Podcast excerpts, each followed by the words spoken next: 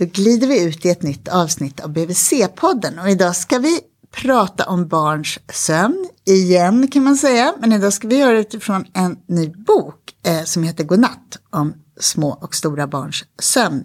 Fakta, råd och rekommendationer till trötta föräldrar.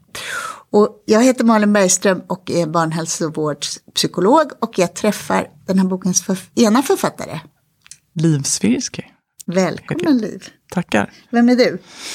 Psykolog, psykoterapeut, jobbar med både barn och vuxna, mest i privat eh, verksamhet och bedriver KBT-terapier. Men jag handleder också en del, undervisar lite. Och så har jag skrivit bland annat den här boken. Du har skrivit ganska många böcker. Ja, jag har skrivit lite om barns rädslor en del eh, tidigare och, eh, och lite om föräldraskap och så. Lite säger du. Jag vet att du själv blev förvånad när du hörde hur många du hade skrivit. Ja, det, är några. det har blivit några böcker. Okej, jag får inte till, jag får inte höra det här antalet. Jag tror att det är sju. Ja, men jag, vet, jag är osäker på om den där är nummer sju.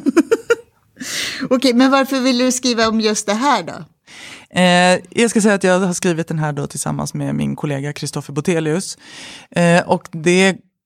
Och Kristoffer, är han forskare eller psykolog? Han är både och. Han är psykolog och forskare och har forskat om sömn eh, och jobbar idag med vuxna eh, med smärtproblematik som ofta också har sömnproblem. Och vi eh, har varit eh, kursare och kollegor länge eh, och sen så kom vi att prata om det här med barns sömn och var båda ganska eniga om att det vore roligt med en bok om barns sömn som var evidensbaserad, som tog sitt eh, avstamp i forskning. Eftersom det här är ett område som det känns som att i princip alla föräldrar funderar över under barnens uppväxttid. Eh, och så bestämde vi att nu kör vi. Och sen blev det den där lilla boken. Den här lilla boken. Var, varför tror du att det där är något som alla föräldrar funderar över?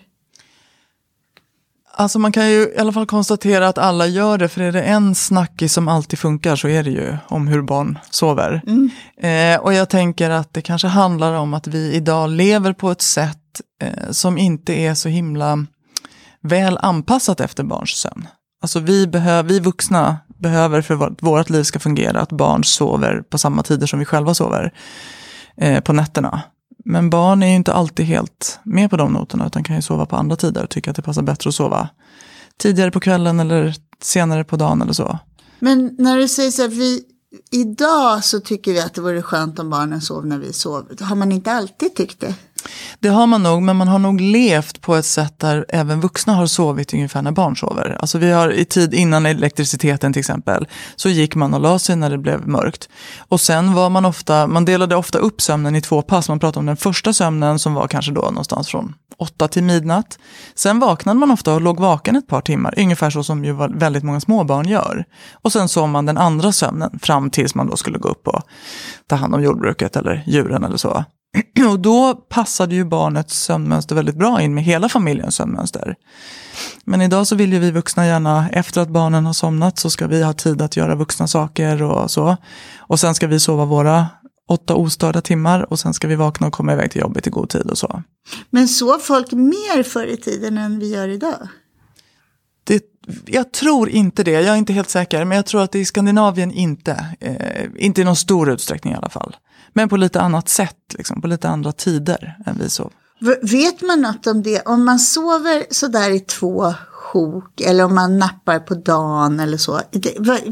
spelar det där någon roll för hur man funkar?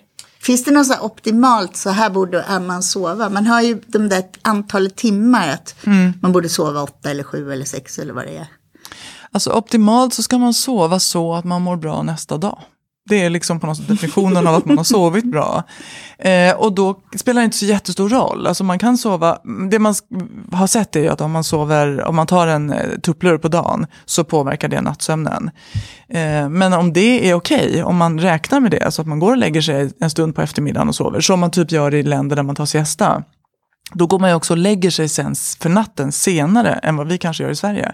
Och då spelar det ingen roll. Så att eh, då, då lägger man, man liksom förlagt sömnen på ett annat sätt bara. Men det, det viktiga är att man får en sömn som räcker till.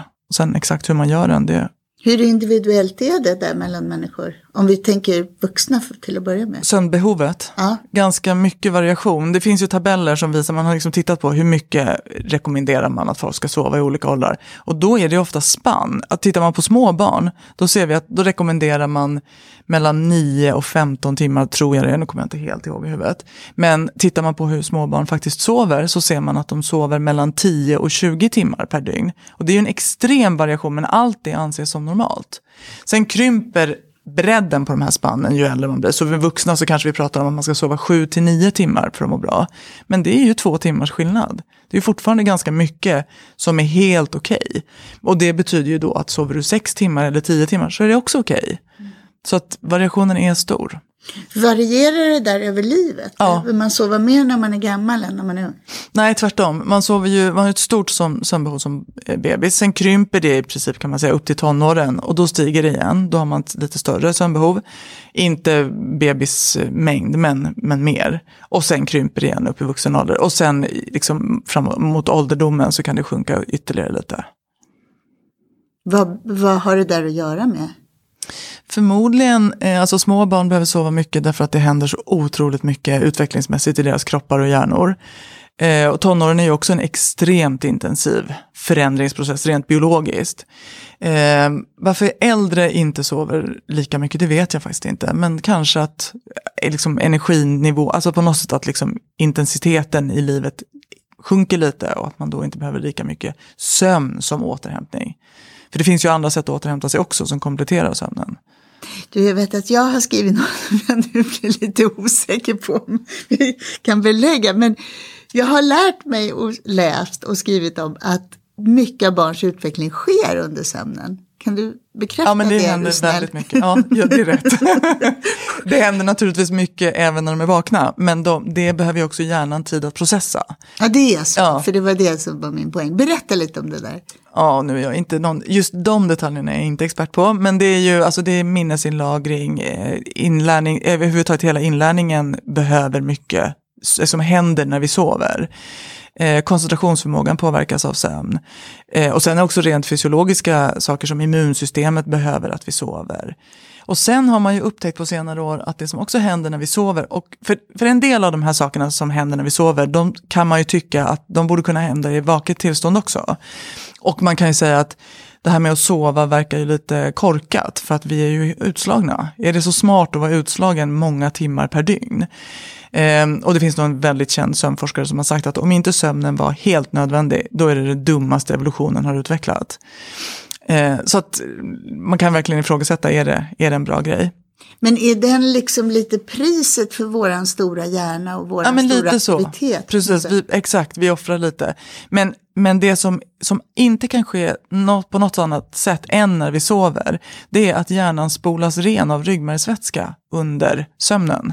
Och då spolas en massa slagg och grejer som inte ska vara i hjärnan ut. Eh, och liksom så det blir som en reningsprocess för hjärnan. Och det tror man eh, hänger ihop med demensutveckling. Att det här som spolas rent är sånt som annars skulle kunna bidra till demens. Det finns säkert massa andra saker som också ger demens, men det är en grej. Men nu är ju du och jag psykolog, så när jag tänker på den här renspolningen av hjärnan, då tänker jag att det spolas bort tankar och oro och så. Men det kanske är lite mer... Jag tror att det är mer biokemiskt på någon nivå som jag inte riktigt är insatt i, men ja, exakt. Ja, vad fascinerande. Det där med att tankar och känslor spolas rent finns ju också, eh, det är en ganska komplicerad process, men det, så är det ju i princip att hjärn, det finns ju någon slags liksom, raderingsfunktioner och så också, att vissa saker, liksom, minnen lagras in och vissa saker måste ut för att andra ska in och så. Så att, eh, Hur mycket kunskap har man om det där? Ja, men jag kan ju tycka som var lite ny på det här området när vi började skriva, eftersom det är Kristoffer som är sömnforskaren och jag är den som har kanske mer klinisk erfarenhet av familjer som söker hjälp för det här. Eh, tycker jag att det är otroligt fascinerande område och att det är mycket som händer och just det här hur man kan veta så mycket om vad som händer i hjärnan och så. Men fortfarande återstår ju mycket, som med all hjärnforskning. Det är ju väldigt mycket vi inte vet. Och det där lilla man vet vill man ju gärna dra iväg och Ja, fantisera ja, om. Det är så spännande. Du, det är, de här processerna som du beskriver, för det är också så, nu ska jag bara fråga först, det är också så att tillväxt sker Ja, när barn sover. precis. Ja. Och vet du hur det funkar? Nej, men det är mer än att liksom hormonutsöndring och sånt också sker under natten. Um, så att uh, där behöver vi också sömnen. Även om det då potentiellt kanske skulle kunna ske även i vaket tillstånd. I någon annan form av vila eller så. Men det sker när vi sover. Nu måste jag bara komma tillbaka till den andra frågan. Eh, jo, jag ville fråga om olika typer av sömn. För det här när hjärnan sköljs ren av ryggmärgsvätska. Är det till exempel när man sover den här djupsömnen? Ja, när precis. man ligger helt... Nej, det är Det är inte då man ligger helt Nej. still, utan det är REM-sömn. Precis, det är REM-sömnen som är drömsömnen. Så vi går från ganska ytlig sömn där vi liksom precis eh, somnar, alltså så att det är väldigt ytligt. Det är då en del vi- sprätter till Ja, kroppen. precis, exakt. Och sen går vi ner i djupare sömnstadier. Eh, och där djupsömnen då är den som är, är mest restaurativ, liksom, som är viktigast, det är där väldigt mycket sker. Och sen har vi då det här som heter drömsömn, eh, eller REM-sömn som det också heter, eh, rapid eye movements, därför att ögonen rör sig snabbt fram och tillbaks. Men resten av kroppen är i princip Förlamad. förlamad, ja, bortkopplad. Liksom. Och Ehm, hjärtfrekvens. Ja, den är ju kvar. Ja, just det, men den är låg va? ja, det är, den, det är möjligt att Jag, den jag är. Ja, tror att det man är vara. liksom är väldigt kroppen. Det är som att det finns någon alerthet kanske i bearbetning i hjärnan men att det är kroppsligt det. Ja men exakt, hjärnan jobbar ju, liksom, det händer ju mycket i drömfasen också av just minnesinlagring och så. Ehm, och sen så går vi ju mellan de här sömnfaserna ett par, man kallar varje sån här, från ytlig sömn ner till djupsömn och drömsömn och så upp igen för en cykel och så har, gör vi ett antal sådana här cykler per natt. Är det det som också kallas sömntåg? Nej, sömntåg är någon, det är en liten myt som vi försöker krossa i boken. Alltså att det skulle finnas tidpunkter när vi har lätt att somna och missar man den tidpunkten, ja, då måste man vänta till nästa sån tidpunkt. Och så är det inte. Eh, så det där är någon sån här liten, liksom, ja, som man ofta pratar om men som inte har så mycket belägg. Nu kallar vi det för cykler. Ja, istället. precis. Sömncykler. Det som kan vara lite intressant då är att barn, små barns sömncykler är 50 minuter ungefär, medan vuxnas är mellan 90 minuter och, en och, en halv, och 120. Och det betyder att ett barn går från ytlig till från, från ytlig genom alla sömnfaser upp till ytlig igen. Eh, och är liksom uppe, är klar med sin sömncykel ungefär när föräldern är i sin djupsömn. Så när barnet då är i ytlig sömn igen och ganska nära att vakna, till exempel om nappen har åkt ut eller man känner sig hungrig eller någon snarkar eller så, så kommer barnet att vakna och börja låta när föräldern sover djupt. Och det är det man ibland som förälder kan känna, att man, man känner sig som att man liksom, Har fått en smäll. ja, det är liksom helt omöjligt att komma upp ur det där och så blir man väckt precis när det gör som allra ondast nästan. Eh, men de här sömncyklerna blir sen längre och längre i, med ökad ålder. Så ungefär när barn är tre, då är deras sömncykler lika långa som våra vuxna sömncykler. Är det också så att både barn och vuxna har en tendens att när vi har dragit igenom en sömncykel så går vi upp i medvetande. Ja, och det gör vi hela tiden. Precis, vi gör det under natten. Och det har ju förmodligen en funktion av att vi ska ha en vakenhet, liksom bevakningsvakenhet. Att vi ska under natten, och vi vaknar många gånger under natten, vaknar till, konstaterar att allt är lugnt och somnar om. Och de, Gör vi det som Ja, vuxna? alla gör det. Och det är ju för att vi ska, liksom, om man tänker i hur människans liksom, utveckling har sett ut, att vi, vi har varit i miljöer där vi inte ligger i en säng och det är släckt och låst och lugnt och tryggt runt oss. Utan vi behöver vakna och se, är allt okej fortfarande? Är det det så somnar vi om direkt, så vi kommer inte ihåg de här små pauserna. Men du menar att vi vuxna har dem också? Ja, vi har många sådana. Och då skulle vi i en sån paus så skulle vi reagera på om någonting var förändrat eller hotfullt. precis. Typ om elden hade slocknat eller det står ett lejon bredvid oss eller så. Eller något mer vardagligt. Hur många lejon och eldar du sover med? Men jag tänker mer så Vadå? här att om jag går och lägger mig med en oro för något, alltså jag ligger och Exakt. ältar något eller är stressad över något, då tenderar Skulle det där kunna- att klippa till, Precis. precis som all, tycker jag, eller mycket psykisk ohälsa som handlar om inte överlevnad idag, utan som är mycket mer på någon nivå sofistikerade Mm. problem som man handskas med. Det är, smärta är ju också en bra sån grej. Att om man har till exempel en, en kronisk smärtproblematik eller någonting, då kan man just i den här ytliga sömnen bli medveten om sin smärta och vakna ja, då och uppleva att det, tar lång, det är svårt att somna om för det gör så ont och så. Eh, och då, då kan man säga att det är egentligen inte smärtan som väcker en, för väcker, väcks gör vi ändå. Men när vi väcks och upptäcker smärtan, då vaknar vi liksom till ordentligt. Eh, och är man då en bebis till exempel, då kanske man väcks och upptäcker att min mamma är inte här, det var hon när jag somnade. Någonting har hänt, det här känns inte så bra. Eller den där nappen som jag vill ha i munnen är inte här nu. Så. Så den här skyddsfaktorn, så evolutionära skyddsfaktorn kan man väl tänka sig den som, som gör att man vaknar till på natten. Den har vi alltså även vi vuxna. Och det är det som är hela härket av sömnmetoder och tankar kring sömn. För att då vill vi försöka få till det där ganska snabbt hos barnen att de somnar om, Somnar om den där cuen som ska komma av att det är fine, du kan somna om. Mm. Den ska komma av sig självt utan att vi behöver vara inblandade i det. Helst vill vi att de inte ens ska vakna de, de där stunderna. Men jag menar, det, det är så här det ser ut. Det är väldigt mycket biologi, så de vaknar. Men jag tänker för oss verkar det inte vara ett problem att vi vaknar. Nej, precis. Och barn somnar ju säkert också om flera gånger. Eftersom deras cykler är kortare så vaknar de inte varje, men de vaknar några sådana. Eh, och kan då just. Och sen kan de ju vakna och vara hungriga. Små barn som faktiskt behöver äta på natten. Eh, så de har ju lite skäl att vakna under natten. Och det är som det ska. Det är bara att Plus det att så de kul också att lever egentligen i en otryggare tillvaro än vad vi gör för att de är utlämnade. ja, ja skyddslösa på något Ja. Men då blir ju min första tanke någonting som jag tror vi har debatterat här i podden och som jag gärna debatterar i tid och otid med BVC-sjuksköterskor och barnläkare och så. Jag tycker att mycket av sömnmetoder går ut på att det ska vara så likt från när jag somnar in så ska det vara så likt när jag vaknar till på natten. För det skulle vara liksom den här grejen som säger och det är tryggt, jag känner igen mig.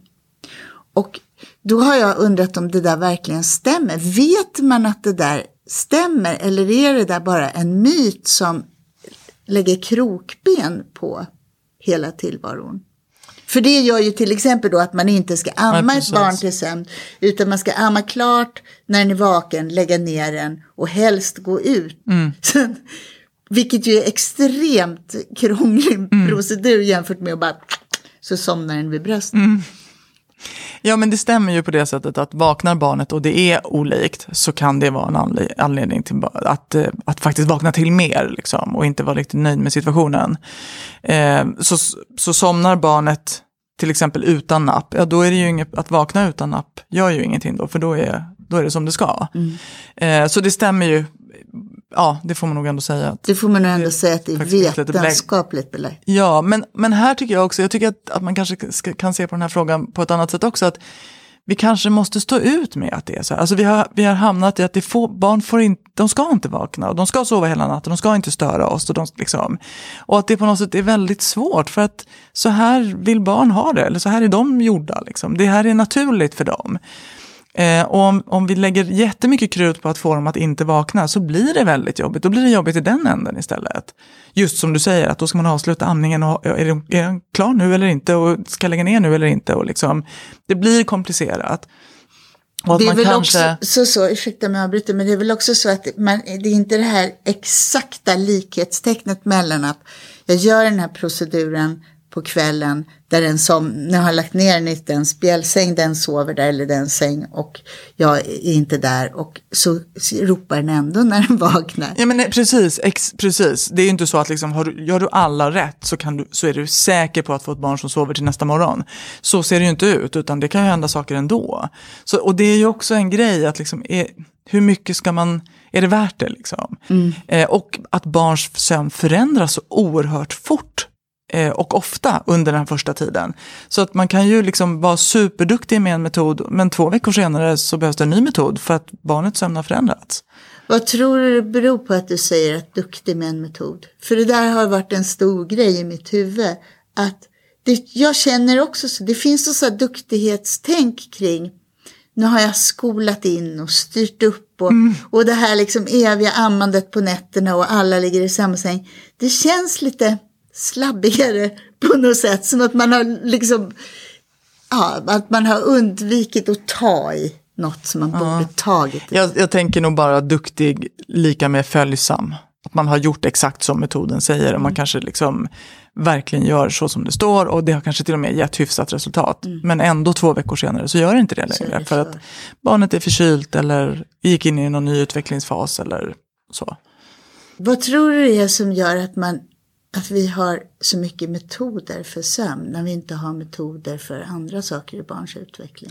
Jag tror ju att det handlar mycket om att vi tycker att det är så otroligt jobbigt själva att vara trötta. Mm. Så vi vill verkligen. Och sen har vi ju också någon slags, vi har kanske någon slags eh, ja, men, kollektiv, lite överdriven oro för det här med sömn och sömnbrist. Det är ju en väldigt stor grej. Och folk, alltså det här att vi pratar så mycket om det gör ju även vuxna. Jag har sovit dåligt. Och, ja, det, är, det är ju liksom... Um, att vi kanske, även om sömnen är superviktig, så kanske vi lyssnar mindre på våra egna kroppar än på proffsens råd. Alltså vi tittar på de här tabellerna, vi ska sova 7 till 9 timmar, jag har bara sovit 7,5, det kan inte vara nog. Eh, istället för att, men jag mår bra, jag sov 6,5, det är jag fixar det här, det här är vad jag behöver. Så att liksom sömn är ett område som ger väldigt mycket oro. Och barn som då vaknar sju gånger per natt och man själv känner sig som om man vore ja men, hjärnskadad, då, känns, då blir det jobbigt. Men det är också ett problem därför att oro och sömn är den värsta kombinationen. Jag tänker om man är orolig för att man inte sover mm. så är det det sämsta förutsättningarna för att Verkligen. sova bra. Därför att nu tycker jag blir så berörd när man läser om barn med ångest, även små barn mm. som är oroliga ångest. När man kan se det faktum att de sover mindre, rätt mm. mycket mindre än barn utan ångest. Det är ju skitsorgligt. Mm. Nej, men, och det skriver vi också en del om i boken, det här med att oro är verkligen en dålig huvudkudde. Eh, och att en del barn till och med, alltså dels kan man ju ha en ångeststörning som är helt frikopplad från sömn i sig. Men det finns ju också många barn, de träffar jag ganska mycket, som också har liksom ja, på något sätt förläst sig på de här, hur många timmar de borde ha. Och så tänker de att jag är åtta år så jag borde somna klockan åtta på kvällen och sen ska jag sova ända till sju för annars kommer jag inte orka imorgon. Och så går de och lägger sig klockan åtta och är inte egentligen jättetrötta, kan inte somna, blir superstressade, jätteoroliga för nästa dag, hur ska det gå? Och det finns ju barn som liksom inte bara tänker på nästa dag utan då kommer jag inte klara provet och då kommer jag inte få bra betyg i högstadiet och då kommer jag inte komma in på rätt gymnasium och liksom fast de är åtta, tio år. Och då blir det precis det som du säger, då gör ju oron att de somnar mycket senare än vad de egentligen skulle behöva. Eh, och de här barnen kanske egentligen, de går och lägger sig åtta för det har de läst att man ska. Egentligen är det kanske barn som skulle må bättre av att lägga sig nio. Så när de lägger sig åtta är de inte trötta. Och det är världens tråkigaste att ligga och försöka sova när man inte är trött. Det vet ju alla. Och man är orolig också. För det kan ju vara mysigt om man bara ligger och sover. Om man bara ligger, ja men precis, om man ligger och har det skönt i sängen. Men om man har som ambition att jag ska somna nu och så fort varje minut som går är en minut för lite av den totala sömnen. Då är det inte kul. Så när klockan blir nio då är de så uppvarvade så att de inte somnar förrän halv elva. Ja, då är man ju i en Men de hjälper du? Ja, de hjälper jag. det känns bra för hjärtat blöder när man hör om dem.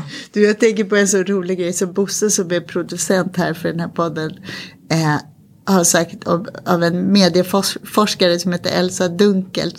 Som har sagt att när det gäller skärmar. Så har hon sagt att ja men det där påverkar oss och våra hjärnor på en massa sätt. Men det är också så att sömnkvaliteten har blivit väsentligt sämre sedan vi införde elektriciteten och det är få som vill gå tillbaka till ett liv utan el. Mm. Bara för det.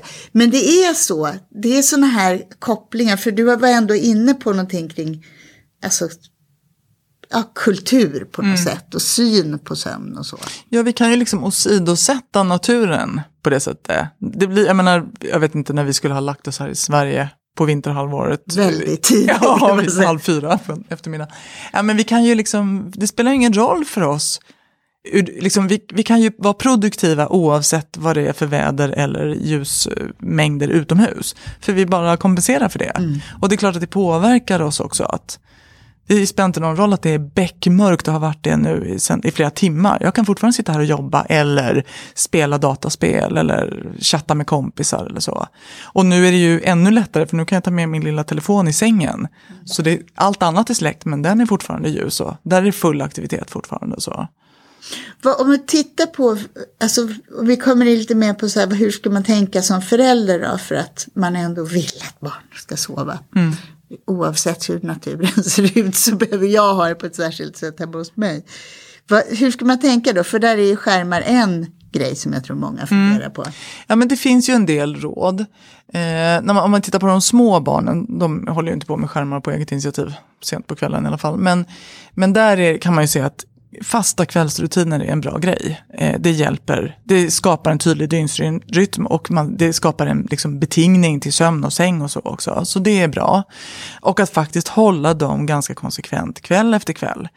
Eh, och då är det en del föräldrar som tycker att det känns väldigt tråkigt och begränsande. Där har man faktiskt sett i forskning att även föräldrar som egentligen inte gillar den här fyrkantigheten uppskattar resultatet av den.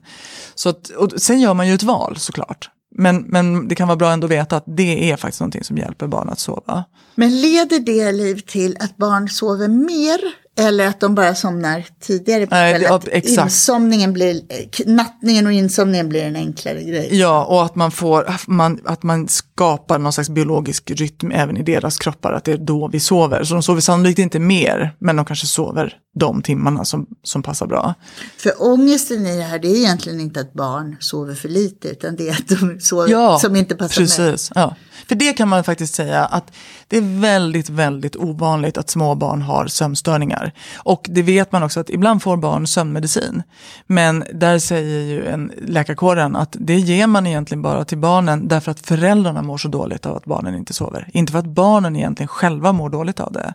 För barn, alltså de, de ser till att få det här som man brukar höra, barn ser till att få den sömn som de behöver. Och det gör de, men de gör det kanske på helt knasiga tidpunkter så att föräldrar inte klarar av det. Och då kan man ibland ge barn sömnmedicin. Men det är väldigt, väldigt ovanligt att barn har sömnproblem. Och det är alltid barn över året, eller hur? Eh, det där, sk- jag utgår ifrån det, jag tror att det är väldigt att vi ovanligt. säger det i att Stockholm, att man pratar Ah, aldrig okej. om sömnstörningar under Nej. barns första år. Och tittar man på sömnstörningar hos småbarn, hos äldre barn, tonåringar, då är ju sömnstörningar ofta ganska lika de vi ser hos vuxna. Svårt att somna på grund av stress och oro, eller vakna mitt på natten på grund av stress och oro, vakna tidigt på morgonen, kanske på grund av nedstämdhet eller så. Så där börjar det likna de vuxna sömnstörningarna. Och hur gamla är de ungarna? Ja, men då tänker jag tonåren, alltså från typ ja, men 13 och 14 uppåt. Men tittar man på yngre barn, då är sömnstörningarna ofta lite mer allvarliga, liksom mer åt sömnsjukdomar på något vis eller så. Att det kanske är, alltså dels kan det ju handla om förstorad, eh, den här förstorade polypen bakom, bakom näsan, den kan ju Visa påverka. med handen här. Ja, just det, Med precis.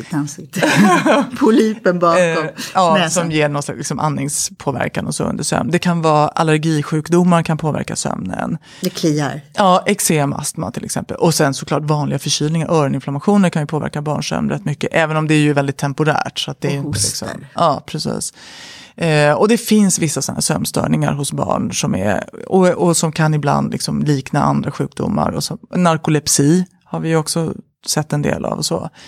Eh, ofta är de ändå så, de, de visar sig på ett sätt som ändå är ganska annorlunda. Liksom. Så jag tror att många föräldrar skulle reagera på. Och även vårdpersonal. Om man skulle beskriva som förälder att det är så konstigt men han eller hon krampar på nätterna. Eller liksom, så, ja, då, då skulle man nog ganska snabbt bli hänvisad till somatisk vård och fortsatt utredning och så. Sen finns det några andra som är lite mera, som jag inte tror att du skulle benämna som sömnsjukdomar. Jag tror att man kan kalla det för parasomnier. Alltså till exempel att gå i sömnen, Mm. Nattskräck och sådär. Ja. Precis, de finns ju också. Och de är ju olika vanliga i olika åldrar. Eh, men helt ofarliga. Nattskräck, där vet man ju att barnet som har nattskräck, nattskräck är alltså när barnet förefaller vaket och kan vara som i panik, alltså sitter och skriker och fäktar och är liksom svår att få kontakt med och så. Typ en halvtimme, timme efter att de har somnat brukar det vara. Ja, eller några, det brukar vara några timmar. Det brukar Okej. vara när, för det, det brukar inträda när barnet går mellan, alltså från en sömnfas i den här cykeln till en annan. Och att den övergången inte sker riktigt smidigt. Och det kan ha med nervsystemets utveckling att göra. så. Eh, det kan på sätt och vis se ut som en mardröm, fast barnet går inte att få kontakt med. Eh, barnen kommer inte ihåg någonting av det här. De, är liksom, det här. de sover faktiskt fortfarande. Men som förälder eller som den som står bredvid kan det se oerhört jobbigt och plågsamt ut. Man tycker synd om barnet. Och syskon som finns i närheten kan ju också bli väckta av att barnet skriker på det här sättet och så. Ehm, Och ofta kommer det ju regelbundet. Ja, det kom, brukar, kommer kan komma i skov, samma, liksom. Mm. precis ungefär vid samma tidpunkt. Och då kan man se att man kan göra vissa förändringar i läggningsvanor och så för att förändra det. Men man kan också se att gör man de här förändringarna så är risken att, barnet, att man stör barnets sömn och att det gör problemet värre på sikt. Så att, ja, där får man liksom avgöra. Men vetskapen om att barnet inte berörs av det kan ju vara i sig lindrande för många föräldrar. Och man gör ingenting under. Man kan ju försöka vara där och trösta om och säga att de inte ramlar så. Men man Ja. kan egentligen inte göra så Nej, mycket annat. för de sover djupt. Ja. De, är, de är i djup sömn. Eh, och eh, sömngång är ju också, då sover ju barnet också. Eh, även om det är svårt att fatta att en ungen kan vara uppe och gå. Eller, och jag menar, man kan ju vara sömngångare även i vuxen ålder, men det är vanligare i barnåldrarna. Sömnprat, det kanske många ändå tycker är lite gulligt. Eh, Men det hänger ihop också, att prata sömnen och gå i sömnen. Ja, ja precis. Det, det finns vissa gemens, gemensamma faktorer och även förmodligen eh, orsaker till det. Ärftligt. Ja, eh, bland annat. Precis. Eh, men helt ofarligt och för de allra flesta övergående.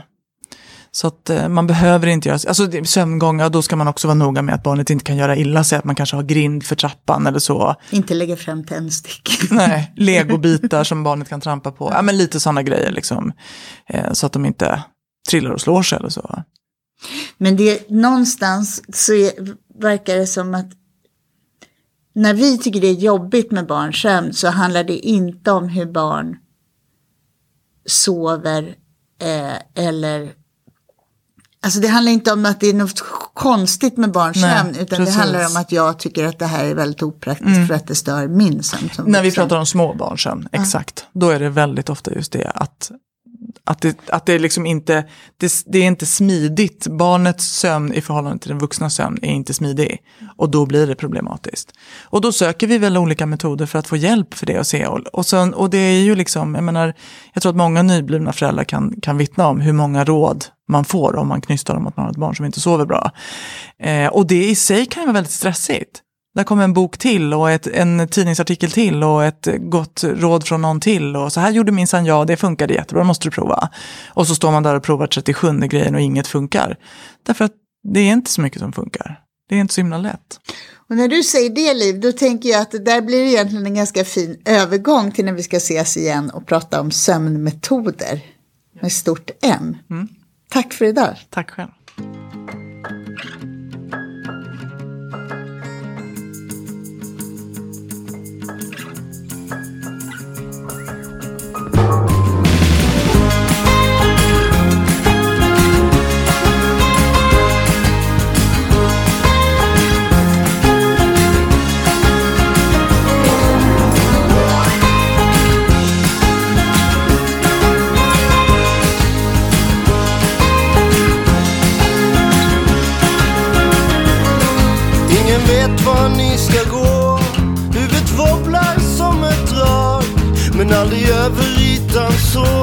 Ett på djupet neverending slag. När era radiostyrda röster ömsint kittlar min fantasi.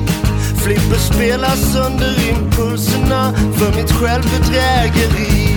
När ni skjuter ut er i natten finns det inget av mig kvar. Alla döda ögonskratten Bara vakten minns vem som var. När ni cementerar kvällen Är det utan min frenesi Den insomnade tunneln Vaknar aldrig mer till liv Ut i natten.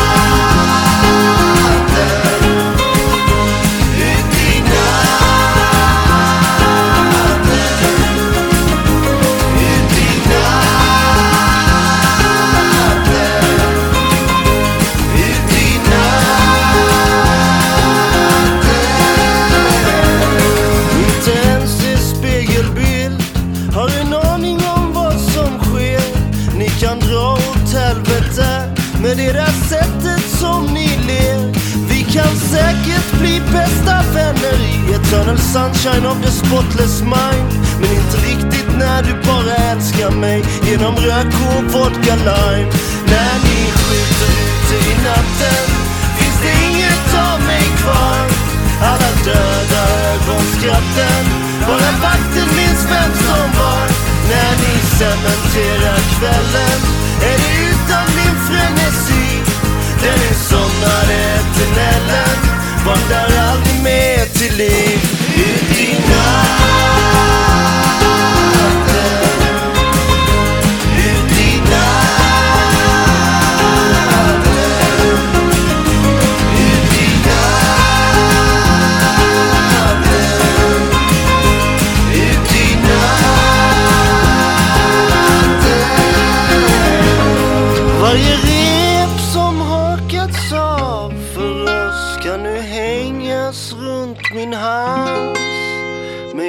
minns varenda kväll förstås och precis ingenting alls.